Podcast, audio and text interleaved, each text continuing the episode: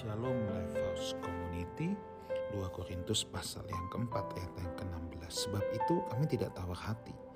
Tetapi meskipun manusia lahiriah kami semakin merosot Namun manusia batiniah kami dibaharui dari sehari ke sehari.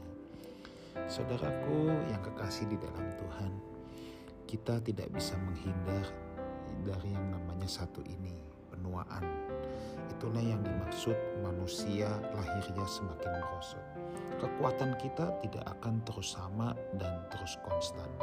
Pasti ada kalanya kekuatan badan kita ini turun.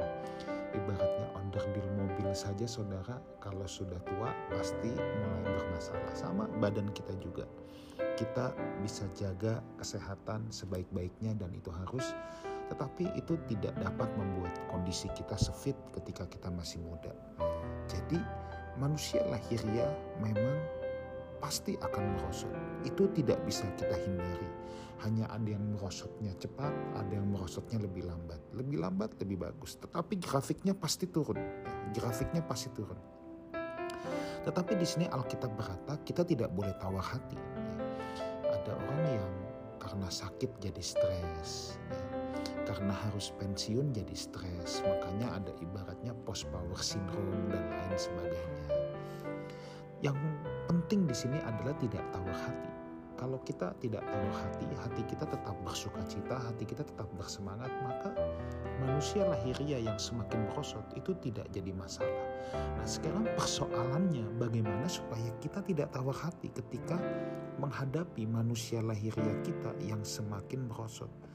Rupanya ada satu kunci. Kita bisa menjadi tidak tawar hati kalau manusia batiniah kita semakin naik grafiknya. Dibaharui sehari ke sehari kalau kata Alkitab.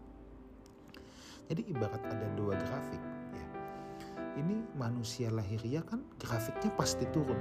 Nah kalau manusia batiniah, nah belum tentu bisa begitu saja stagnan, bisa naik, bisa turun. Nah sekarang mau pilih yang mana saudara? Sekarang mau pilih yang mana? Orang yang manusia batiniahnya hanya stuck, ya stuck, tidak ke mana-mana. Sementara manusianya melorot, manusia lahiriahnya melorot. Nah, ini akan frustasi, saudara, akan frustasi. Apalagi kalau grafik manusia batiniahnya melorot juga. Jadi manusia lahiriah turun, manusia batiniah juga turun.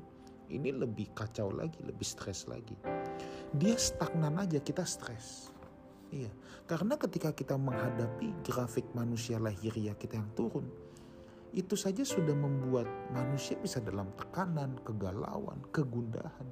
Nah, obat penawarnya apa? Kalau manusia batinia tetap begitu saja, itu tidak bisa mengobati dari manusia lahiriah yang merosot. Lagi pula itu sebabnya perlu pertumbuhan rohani. Memang yang tidak bertumbuh itu adalah pasti ujungnya kematian. Tanaman plastik tidak bisa bertumbuh, makanya bukan tanaman hidup. Nah, sekarang again, kalau manusia uh, lahiriah kita merosot, ini kan ada kegundahan, ini kan ada kegalauan. Sekarang manusia batinnya set naik ke atas.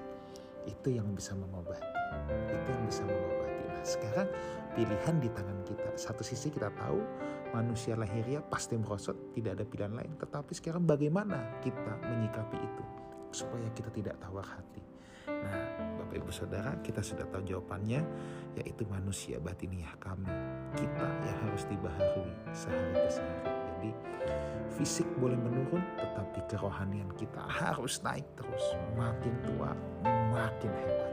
Makin tua, makin kokoh. Kiranya Tuhan memberkati kita semua sehingga kita juga bisa meninggalkan keteladanan untuk generasi berikutnya. Tuhan Yesus menyertai kita semua. Amin.